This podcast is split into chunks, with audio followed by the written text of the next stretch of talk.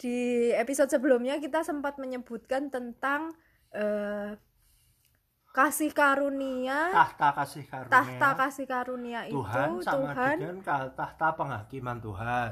Berarti kasih karunia dan penghakiman itu berjalan bersamaan. Harusnya gini ya kasih kalau udah ada kasih karunia berarti sudah ada ada penghakiman dong sama seperti kayak misal salib nih. Kita udah menerima kasih karunia keselamatan. Ah. Kan sudah tidak ada lagi hukuman buat kita tapi kenapa kok masih eh, ad- bukan masih tak ada penjelasannya gimana kok tadi ada di Nah. buku Rick Joyner tadi ada kita sering kali bingung di situ sebenarnya itu topik podcast paling pertama Hmm. karena apa penghakiman Tuhan itu tidak menghukum dan tanda kutip Hmm. di sini pengertiannya karena penghakiman Tuhan itu mengatakan apa salah eh salah nak benar es benar Hmm. bukan soal aku mau menghukum kamu aku mau membenarkan kamu Hmm. pertama kan benar dan salah kan no? Ya di episode 1 ya Episode yang satu, ah, ah. menjelasin itu. Nah. ya, ya, ya.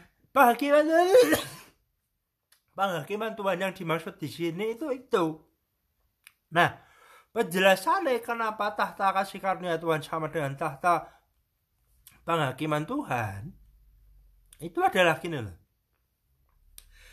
Jadi sebenarnya kasih karunia Tuhan itulah yang saya pahami ini gampangannya ini rodok tak tarik kembali yang ke episode sebelumnya mungkin supaya mudeng ya.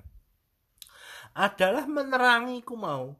Hmm. jadi sebenarnya ketika terang ekstrimnya adalah Yesus itu kan terang. Hmm. ketika Yesus dilahirkan di dunia akhirnya datang ke dunia dia itulah terang besar Hmm. Nah, itulah disebut kita sering kali mengerti oh kedatangan Yesus itu adalah kasih karunia Tuhan. Hmm. Nah, justru terang besar itu ah sorry. Terang besar itulah kasih karunia. Benar dah? Hmm.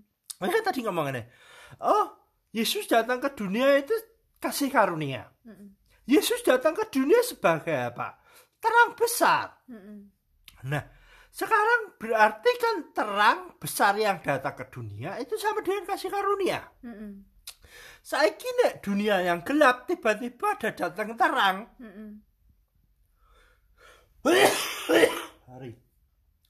Otomatis kan akan terlihat orang yang belum mandi lah, kita yang belum mandi, dunia yang masih gelap, yang temblong sana, temblong sini, Hmm. yang ada merah sana, merah sini, hijau, warna biru, lain kuning dan lain sebagainya. Jadi kelihatan. Hmm. Nah, ketika kelihatan itulah berlakulah penghakiman Tuhan, Hmm. tahta penghakiman Tuhan. Hmm. Dan sekali lagi tahta penghakiman Tuhan itu tidak hanya soal itu nanti di terakhir mungkin betul ya bahwa bahwa nanti tetap mengatakan bahwa bahwa oh, kamu salah, kamu tidak percaya, bukan tidak percaya, bukan salah, kamu tidak menerima aku sebagai Tuhan Juru Selamat, tak, tidak bisa. Kamu menanggung dosamu sendiri, Tuhanmu adalah dirimu sendiri, misalnya Tuhanmu adalah duit, misalnya Hmm. ada hukumannya. Tapi sebenarnya ketika penghakiman di sini kenapa disebut sama dengan tahta kasih karunia? Karena ketika terang itu besar datang otomatis kelihatan terang itu datang di dunia yang gelap. Kelihatanlah mana yang benar, mana yang salah. Jadi penghakimannya Penghakimannya di sini tuh podo eh, podcast pertama. Objektif nunjukkan apa? kamu nah tetap ini loh, kamu ini salah, kamu ini sudah jatuh dalam dosa. Jadi sebenarnya gini ya, ini pertanyaan yang sering kali ditanyakan banyak orang. Sering kali kita gini, eh melakukan dosa terus minta ampun.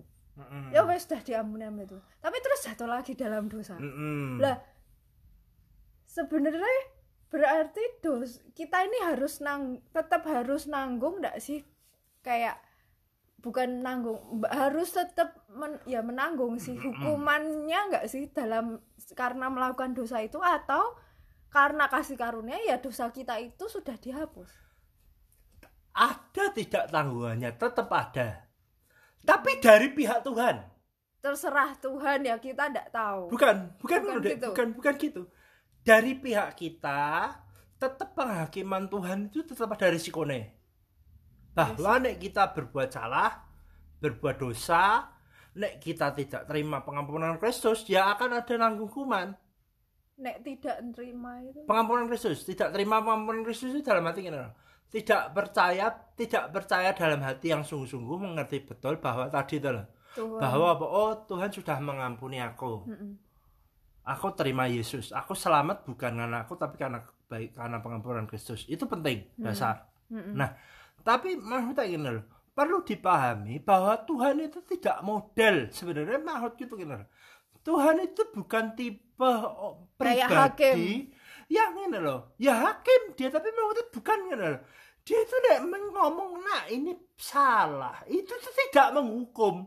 Hmm. Ekstrim gini, sing tadi sempat kamu ngomong, orang tua kita kita terluka karena orang tua kita ketika ngomong kamu salah, ayo tak pukul kamu, Wah, kan gitu. Nah, gini contohnya gini Eh, kalau ini kita kasih kayak apa ya perumpamaan gitu Ah, ya. ah. kayak tadi orang tua Ah. sama anak Ah. anak melakukan kesalahan. Mm-mm. misal ngambil duitnya orang tua Mm-mm.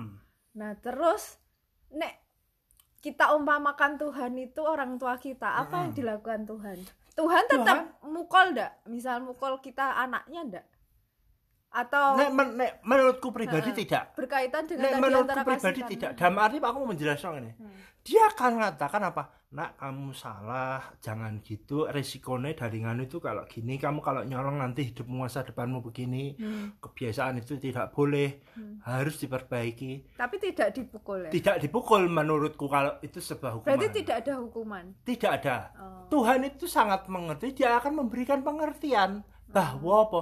Ini loh salah, ini yang benar. karena sekedar Tuhan itu gitu. tadi karena kasih karunia itu terang itu tadi Ah, ah. terang itu menyatakan kesalahan Otomatis akan terlihat. Hmm. Ah, lah. Iya, Itu sebenarnya pengertiannya bahwa tahta penghakiman Tuhan sama dengan tahta kasih karunia Tuhan.